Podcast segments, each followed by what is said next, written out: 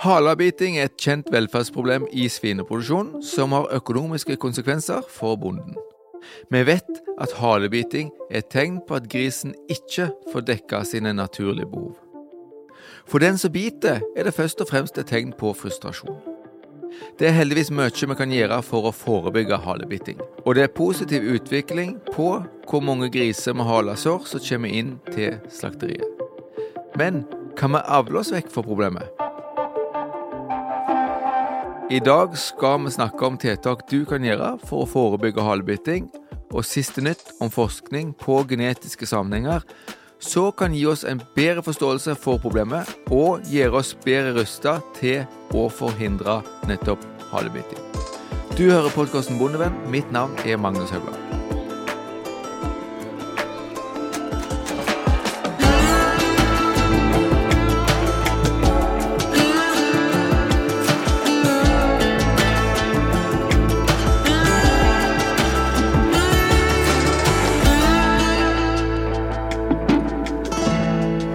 Podkasten Bondevenn blir presentert i samarbeid med Sparebank1 SR-Bank og Tveit Regnskap. Vi bidrar til at bonden lykkes. Grisen stammer fra villsvinet, og i naturen så vil han bruke 70-80% av tida på å rote jorda og lete etter mat. Dette er Ingvild Utteberg Nesheim. Grisen har stor trang til å undersøke omgivelsene sine. Den er et utpreget flokkdyr som ønsker å ete og hvile samtidig som kompisene sine. De er altså sosiale vesener, så folk kan bli stressa om de ikke får gjøre det som er naturlig for dem.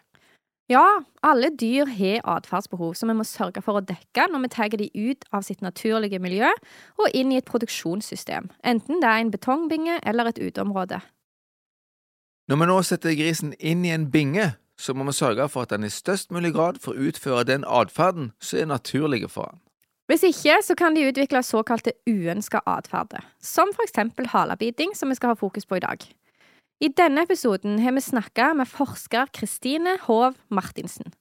Hun har forska på halebiting i et spennende prosjekt som Norsvin satte i gang etter at de så en økning i halebiting i 2016-2017. Prosjektet som vi har jobba med nå, det heter Fairytale. Og det lange navnet er Mot en svineproduksjon uten halebiting. Prosjektet jo, tok jo utgangspunkt bakgrunn i det at vi så, basert på slakte, informasjon fra slakteriene, at vi hadde en økning i forekomst av halesår registrert på slakteriet i 2016 og 2017.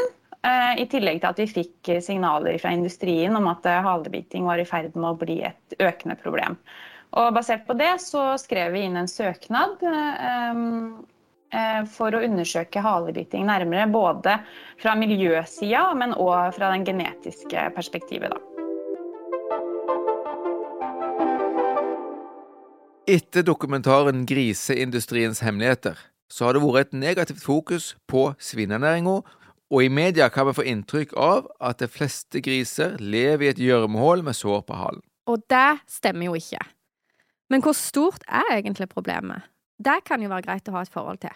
Eh, når vi søkte om prosjektet i 2017, så lå eh, forekomst av halesår i mellom eh, 7 og 9% avhengig av hvordan det er registrert. Da. Så veldig høyt. Og vi har jo sammen med næringa og det økende fokuset, mye forskning på forskjellige miljøfaktorer og det at bøndene generelt har blitt mer opptatt av det som problem, da.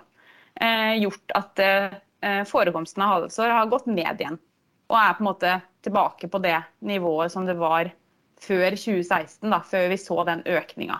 Og det er på imellom 2 og 3 Smågrisprodusent Bjørn Ståle Bekkeheien fra Nærbø ser òg at forekomsten av halebiting har gått ned.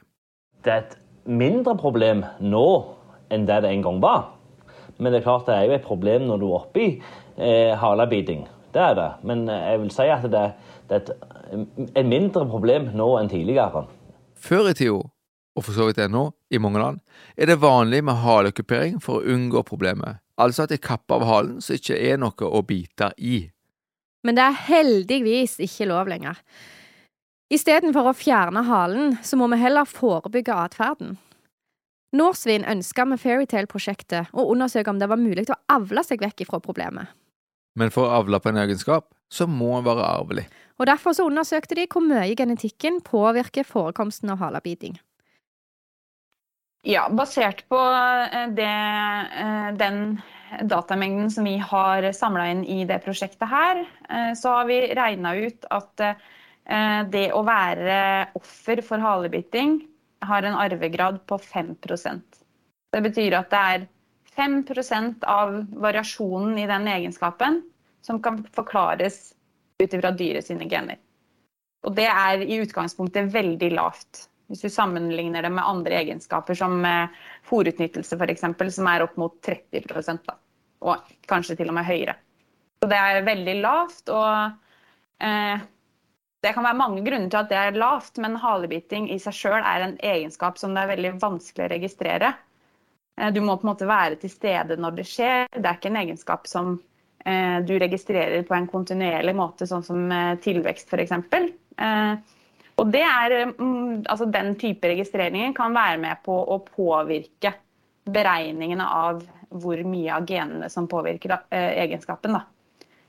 Um, men 5% er jo 5% så det betyr jo at det er en, eh, en liten del av eh, dyret sine gener som kan påvirke hvorvidt en sånn type egenskap eh, kommer til uttrykk eller ikke. Da.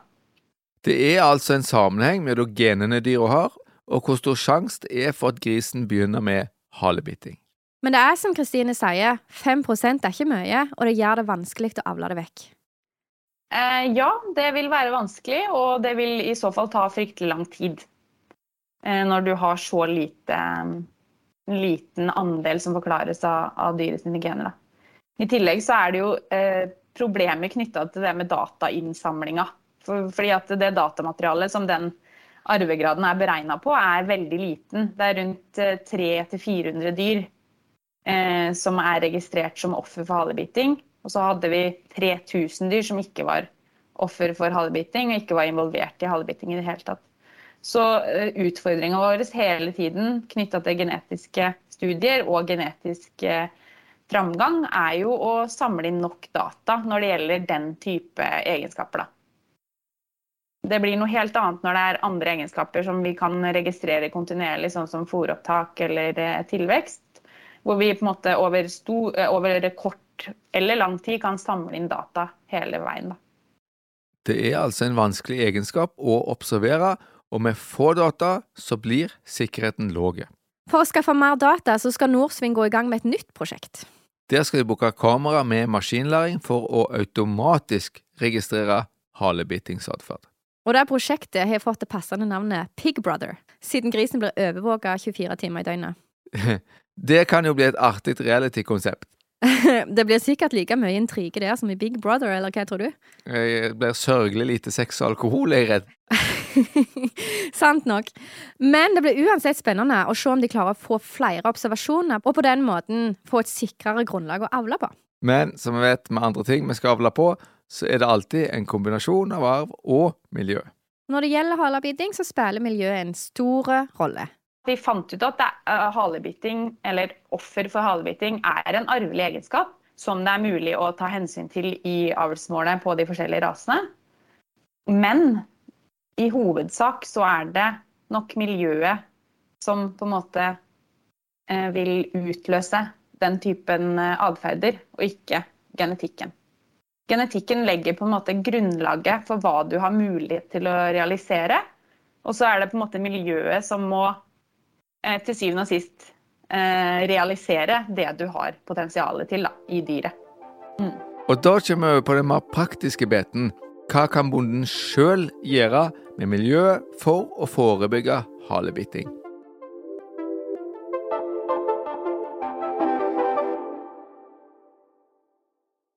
Vi vet at det ofte er den minste grisen i bingen, altså taperen, som blir en biter. For at eh, han blir frustrert når han alltid kommer sist til maten, eller må ligge på rista, eller jevnt over må kjempe mer for godene sine. Bare hør på Bjørn Ståle. Nei, ofte så trenger det slett ikke være den store, sterke bølla. Altså, det er jo det her med lik gris i, i bingen. Altså, ofte er det gjerne den som, som er minst. Den som er taperen i trona. Eller den som blir vekkskutt fra fòrautomaten eller eh, drikkenippelen. Det er gjerne den minste grisen som, som ser at de store vennene sine står og eter og koser seg, og så står den bak, og så biter de i halen. Så ofte er det gjerne den, eh, den minste i gruppa. Kanskje eh, er litt trend at det gjerne er ei purke eh, som, som, er den som er den store bølla i bingen. Så, men igjen så må det være lik gris eh, i bingen. Det er det viktigste. Så kan den lille grisen oppføre seg fint, bare den har likesinna i lag. En fornøyd gris vil sjelden begynne med halebiting. At grisen skal ha krøll på halen, er ingen myte. En krølla hale er et tegn på at grisen trives og har det bra. For å kunne forebygge halebiting er det viktig å følge godt med. Altså det som, eh, som Når en driver med dyr, det er det viktigste redskapet du har, det er øre og øye. Eh, det er jo også eh, Gjerne når du er ferdig å stedle, liksom også eh, bruke noen minutter til å gå gjennom avdelingen og så se er alt i orden. Det er da en oppdager det, eh, om, om, ting er, er i ferd med å skje. Klarer vi å se tegn på at noe er gale tidlig, så kan vi unngå at konsekvensen blir så stor. Som vi snakket om i starten, grisen har en del atferdsbehov som en må få dekka. Og ett viktig atferdsbehov er det å ha muligheten til å rote. Og da kan en eh, liksom sette inn litt tiltak. Eh, en kan hive litt eh, mer gjerne gjerne rodematerial, eller nye, nye rodematerial en annen ting. Kanskje du har gitt halm, at du gjerne skulle gitt litt silo eller litt avispapir. Det elsker de. Kanskje at du har mulighet for å åpne døra, sånn at den bingen der du har, tror at det kan være noe på gang, at de kan gjerne springe ut på gangen. Sånn som i mitt, mitt, mitt grishus, der har jeg rister på gangen og kan åpne hele uh, endeporten. Og da kan de springe inn og ut på gangen uh, og ha mer plass å bevege seg. Og det kan gjerne ofte være nok tiltak til å stoppe utvikling på halebiting. Når det gjelder rodematerial, så er det viktig at dette er noe som grisen klarer å ødelegge. Å gi noe som ikke brytes ned når det roter, fungerer ikke like godt. Og dette med plass, det er også viktig. Grisen er et flokkdyr, og gruppestørrelse kan ha innvirkning på hvor aggressive grisen er. Er det for mange dyr på for liten plass, vil det fort gi frustrerte griser. Forskning har vist at grupper på seks til tolv gris er det som kan gi mest aggresjon i bingen, og at storbinge kan ha store fordeler. Da er utforming av bingen viktig. Grisen må ha fluktmuligheter. I områder der det er god tilgang på halm, så kan storbinger med hele halmballer fungere godt. Altså at du setter hele halmballet inni bingen, sånn at grisen kan springe rundt i. Og da kan de komme seg unna hvis de blir plaga. Det er òg fordeler med store binger rent byggteknisk. Det krever mindre betong når du ikke har så mange små inndelinger, og det er lettere for bonden å måke når han slipper å gå ut av mange små binger men heller bevege seg med å få store binger. Det må være rett antall dyr til rett tid. Altså, Og det må være nok plass når de har behov for, eh, for eh, plassen. Altså når jeg avvenner eh, grisungene mine, da trenger de å eh, eh, da trenger de altså Da må jeg fylle bingen med gris, sånn at de har nok varme, og, og, og at de bruker hele liggearealet. Men så må jeg være ute i, i tida til å tynne ut i bingen, sånn at de får nok plass etter hvert som de vokser. Og òg det her med justere varme, at det ikke er for varmt og ikke for kaldt. Det er veldig viktig. Eh, så Men det er klart, har du mindre binger, eh, så er det mindre risiko eh, enn storbinger at hvis det oppstår halebiting, så er det eh, eller blir iallfall utfallet mye mindre om det er mindre dyr i bingen. Det er et viktig poeng det Bjørn Ståle sier her. Har du fjos med veldig store binger og mange griser i lag, så kan et utbrudd av halebiting få kjempestore konsekvenser. Men er det et tidspunkt som er mer utsatt for halebiting enn andre? De første to ukene etter avvenning tenker jeg aldri på halebiting. Men kanskje på uke tre eh, etter avvenning og fram mot salg. Spesielt gjerne eh, den siste uka inn mot salg, når, når, det begynner å bli trangt, i bingene. Da igjen eh, må de ha eh, stor nok plass. Eh, også hva er det nå i, i, i neste fase, når de skal inn til en slaktegrisprodusent. Da er det eh, flytting, det er stress, det er nye kamerater, eller eh, gjerne ikke kamerater, gjerne uvenner. Da, eh, da, er det jo viktig for han som tar imot smågrisen, at han sorterer dem. At det er lik gris i bingene. Altså både størrelse og, og litt sånt noe. Så at en, en bruker en, litt tid når en får inn griser, og sorterer etter størrelse. Det tror jeg er veldig viktig. Og gjerne at en eh, har en binge eller to der en kan flytte ut dyr etter hvert som en har litt mer behov for, for plassen. Gris er veldig vare for endringer. Både temperatur, fòring, luftkvalitet og andre ting kan være utløsende årsaker. Ja, altså, det er jo litt det her altså vår og haust. Det er altså det er store eh, temperatursvingninger, altså varmt på dagen og kaldt på kvelden.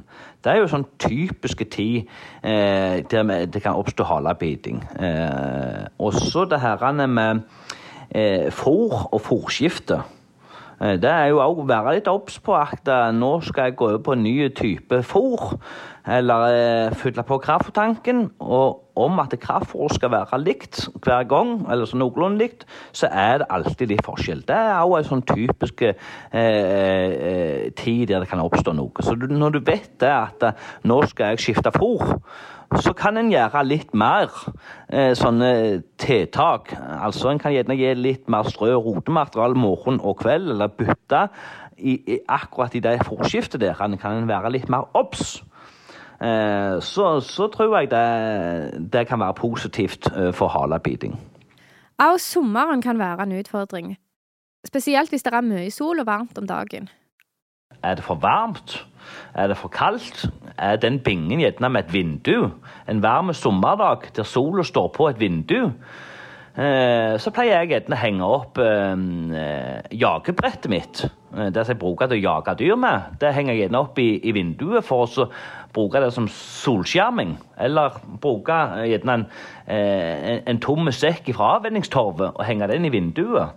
At det kan være solskjermen nok, altså den bingen som er rett for vinduet, blir skjerma for den verste sola. Det kan ofte være nok tiltak. Så det er et sånn et sommertiltak som jeg pleier å gjøre. Det er å, å bruke noe helt enkelt eh, eh, framfor vinduet eh, når det begynner å nærme seg at det nå kan gjerne oppstå halebiting. Så er vi obs på dette og følger godt med, kan vi forebygge før det blir alvorlige tilfeller. Men er vi så uheldige at det skjer, og vi får gris med blodige sår, så må vi òg agere kjapt og rett. Ja, da, eh, da, må du enten plukke ut den ene eller de to grisene som har blitt bitt. Eller hvis du er skikkelig uheldig at uh, det er én gris med krøll på halen, og resten har blitt halebitt.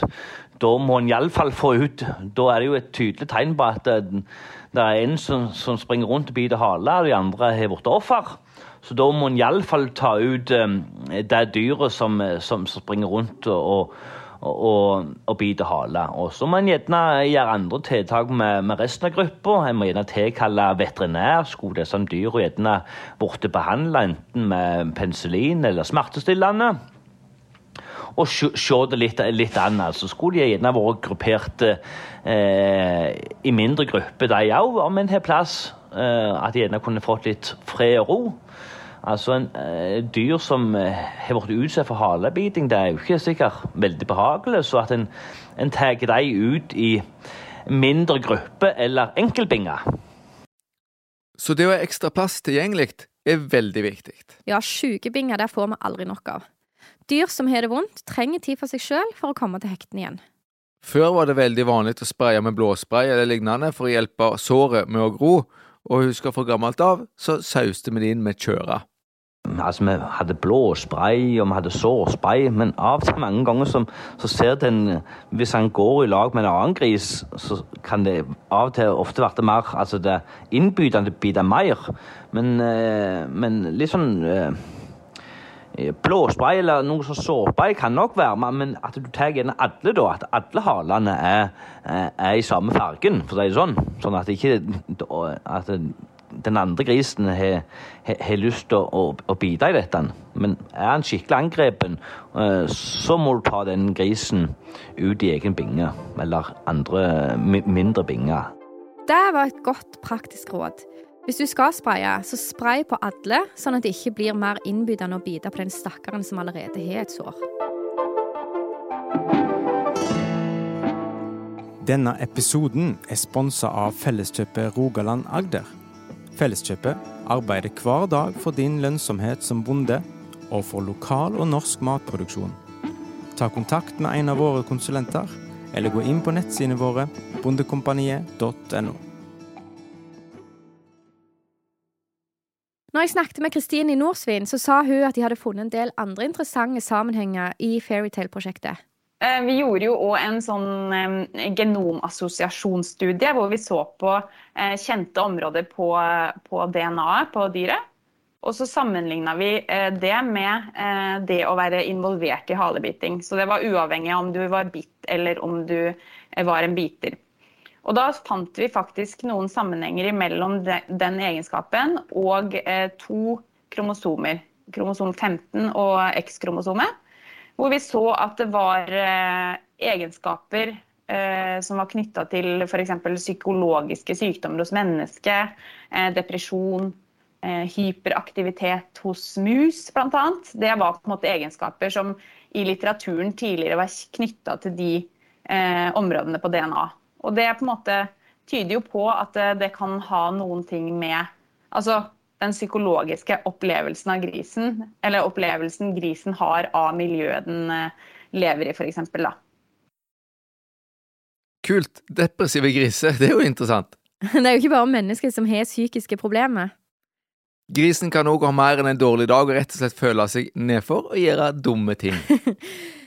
Det kan jo tyde på at eh, griser som på en måte eh, føler seg nedstemt, da, eller ikke opplever at den trives i det miljøet han lever i, eh, kan være mer utsatt for, for halebiting, eller altså det å utføre halebiting.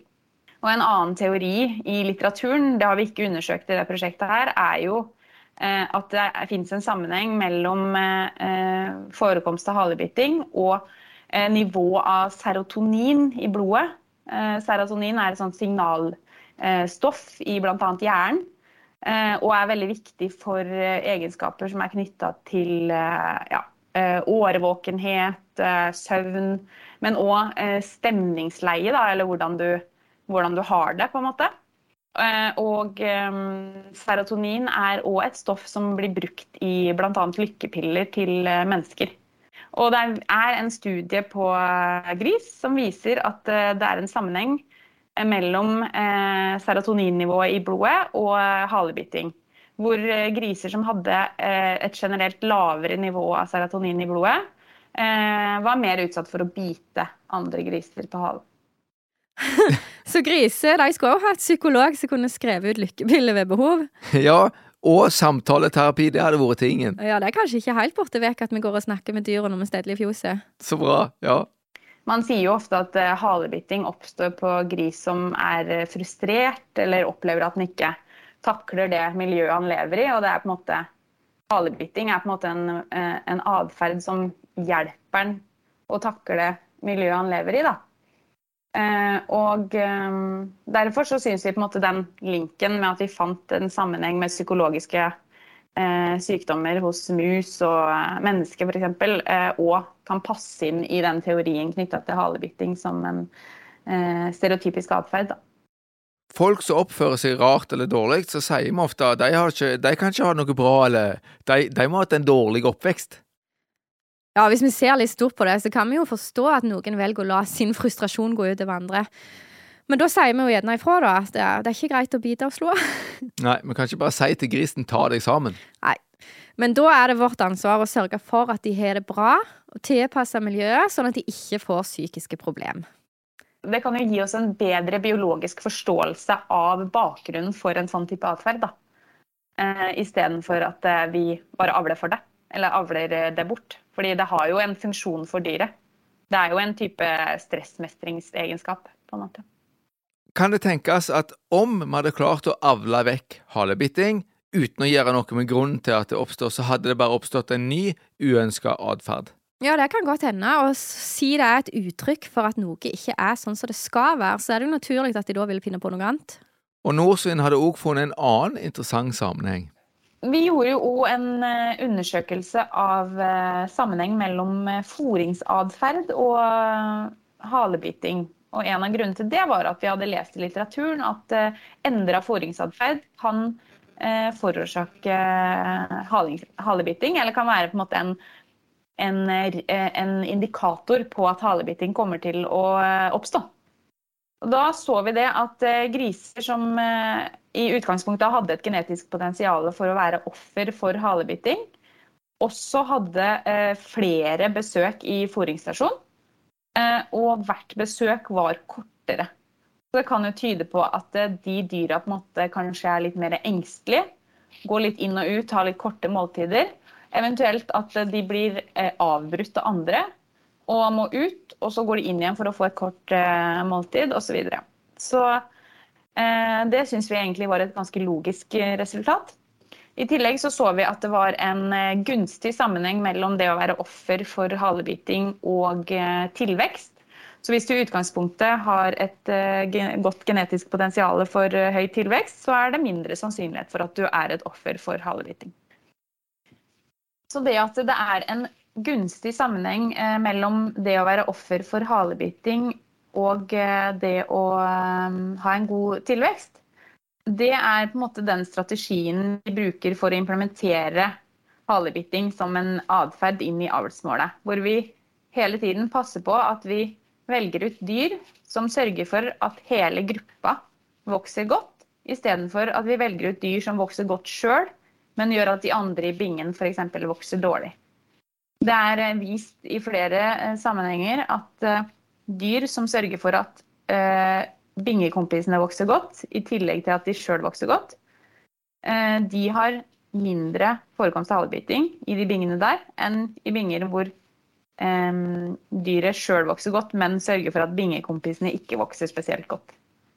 Grisen, altså, en gris sørger for at bingekompisene sine vokser godt gjennom å ha en positiv atferd til bingekompisene, og ikke en negativ atferd, sånn som høy aggressivitet, mye halebiting eller annen type skadelig atferd. Mens i binger da hvor det er en god dynamikk, der er det da derfor mindre av den type atferd. Både aggressivitet og halebiting og den type ting. Og det igjen gjør jo at alle dyra vokser godt. Så snille griser vil vi ha, de som oppfører seg fint mot hverandre. Og dette viser jo hvor sosiale griser er, og hvordan et godt miljø kan ha innvirkning på resultatet i produksjonen. Mange svineprodusenter er fortvila når halebiting oppstår. Vi har hørt om bønder som er fortvila og skikkelig lei seg over at de har prøvd å gjøre alt rett, men så skjer det likevel. Vi vet jo at svineproduksjonen har vært under et stort press på å prestere når det gjelder dyrevelferd, og mange bønder de er utrolig flinke og legger både sjel og ære ned i å drive godt. Og da kan det føles motløst når sånne ting oppstår. Å komme ned på null i halebiting, ja Det tviler jeg på at vi klarer sånn som det er nå. Men at en kan minimere problemet, det er ikke tvil om at vi, vi, vi kan Vi, vi har blitt flinkere og kan gjerne bli enda flinkere på det. Og så tenker jeg det at når sånt noe oppstår, og en kan gjerne være redd Mattilsynet eller andre, men at, at en har gjort et tiltak, og at en har dokumentert tiltaket det tror jeg er viktig. Og så må vi jo bare si, være så ærlige at um, dyr kan bli syke, og dyr kan dø og bli skada. Uh, men at en har gjort tiltak, uh, så mener jeg at sånn er det bare. Så skal en prøve å minimere og gjøre de tingene en kan gjøre, tenker jeg. Det gjelder altså å gjøre de rette tingene, og ta affære når du enser at noe er i ferd med å skje. For det kan skje veldig fort. Altså, det kan skje fra morgenstid til kveldstid, og det kan uh, se fælt ut. Uh, og det, ja, det har, det, det har hendt det at det har skjedd på noen få timer. Det har hendt at det har skjedd mens jeg har gitt stelt. Jeg har gjort klar til, til salg av smågriser. Og på den tida jeg har gjort klar og telt opp, så har det faktisk Da har gjerne det blitt at vi har stressa de opp litt, jagt de ut på vekt og veid de. Eh, sette inn noen øremerker. Eh, bare den der timen du er forberedt til salg, så har, eh, det hendt at det har skitt halebiting. Men, men, igjen så er det ikke det, det er ikke et stort problem, men, men så fort kan det skje. Og da må en ta den grisen til side. Så en kan ikke selge, selge den på, eh, til, til, en kunde eller eh, slaktebilen hvis en står med, med et eh, åpent halesår. Den må være grått og, og, i orden. Og det som er viktig her, er å ikke tenke at det går over av seg sjøl. Ja, halebiting eh, går sjelden over av seg sjøl, sier jeg. Eh, og ser en noe som en setter inn tiltak, altså ikke, ikke avvente å se det an. For det, det er sjelden at sånt noe uh, går over av seg sjøl. Uh, eh, og til fortere en setter inn tiltak, til, til bedre blir utfallet. Så oppdagen kanskje det kan være nok at du ser på ei, ei lys eh, plastikkinnredning. At det kan, her har det vært litt blod. Du kan se gjerne bitte litt blod eh, på bingen. Og da er det allerede et, et tegn. Eh, eller at du ser en hale, to-tre haler som, som, henger nedover. At det da eh, setter en inn tiltak. Men det at forekomsten av halebiting har gått ned, viser jo at bonden har blitt veldig flink på dette. Ja, fokuset har vært mye større, og bøndene er profesjonelle og kjempeflinke til å agere raskt. Hvis en går og føler på at en har litt problemer, men ikke klarer helt å sette fingeren på hva som er årsaken, så kan det være lurt å få inn nye øyne. Nei, og det der med halebiting, du kan gjøre alt riktig eh, etter boka, og så oppstår det halebiting. Og noen ganger eh, går dette av seg sjøl. Du tenker ikke på halebiting. Så det, der, det er vanskelig. og Det oppstår ikke meg, og det oppstår ikke andre flinke bønder. og Det, kan, det er liksom ikke at, eh, at det aldri skjer eh, den flinke bonden. Men forskjellen på å være eh, flink og dårlig, altså det at en gjør noe med det. Også det her med ja, altså ventilasjon. altså Gjerne finn en rådgiver og få litt andre øyne til å se på ting. Eh, gjerne en rådgiver som kunne sagt at eh, ja, du skulle gjerne sette inn noe mer drikkenipler her, eller sette inn en fôrautomat, eller hatt gjerne en gris eh, mindre i bingen, og så minimerer du problemet. Det er mange sånne småting som, som kan, kan, gjøre en positiv ting. Så, så litt andre øyne, altså fire øyne, så bærer det to øyne. Det er litt sånn Du kan fort gå litt blind i deg sjøl.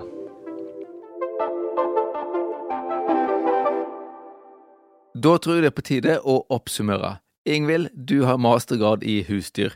Oppsummer det. Ok, da. Halebiting er en uønska atferd som det er vanskelig å avle seg vekk ifra, i alle fall på kort sikt. Men det er mange gode tiltak du kan gjøre for å minimere problemet. Sørg for å ha rett gruppering av dyr, sånn at du har jevne gris i bingen. Nok plass er en forutsetning. Vær forberedt når det skjer endringer i temperatur, luftkvalitet og fôring. Det kan være solskjerming på sommeren, mer eller annet rodemateriale, eller rett og slett å lufte grisen på gangen. Bruk øyne og ører til å følge godt med, så du kan oppdage problemet tidlig. Da minimerer du skaden. En glad og lykkelig gris er mindre utsatt for halebiting. Du har hørt på podkasten Bondevennen. Mitt navn er Ingvild Luteberget Nesheim. Og til daglig er jeg rektor ved Vinterlandbruksskolen i Ryfylke. Og mitt navn er Magnus Haugland. Jeg er lærer ved Vinterlandbruksskolen i Ryfylke og rådgiver i Norsk landbruksrådgivning Rogaland. Har du spørsmål eller tilbakemeldinger, så blir vi veldig glad hvis du sender oss en e-post til podkast.bondevennen.no. Episoden er spilt inn i ABC Studio i Etne. Lyd ved Stig Morten Sørheim.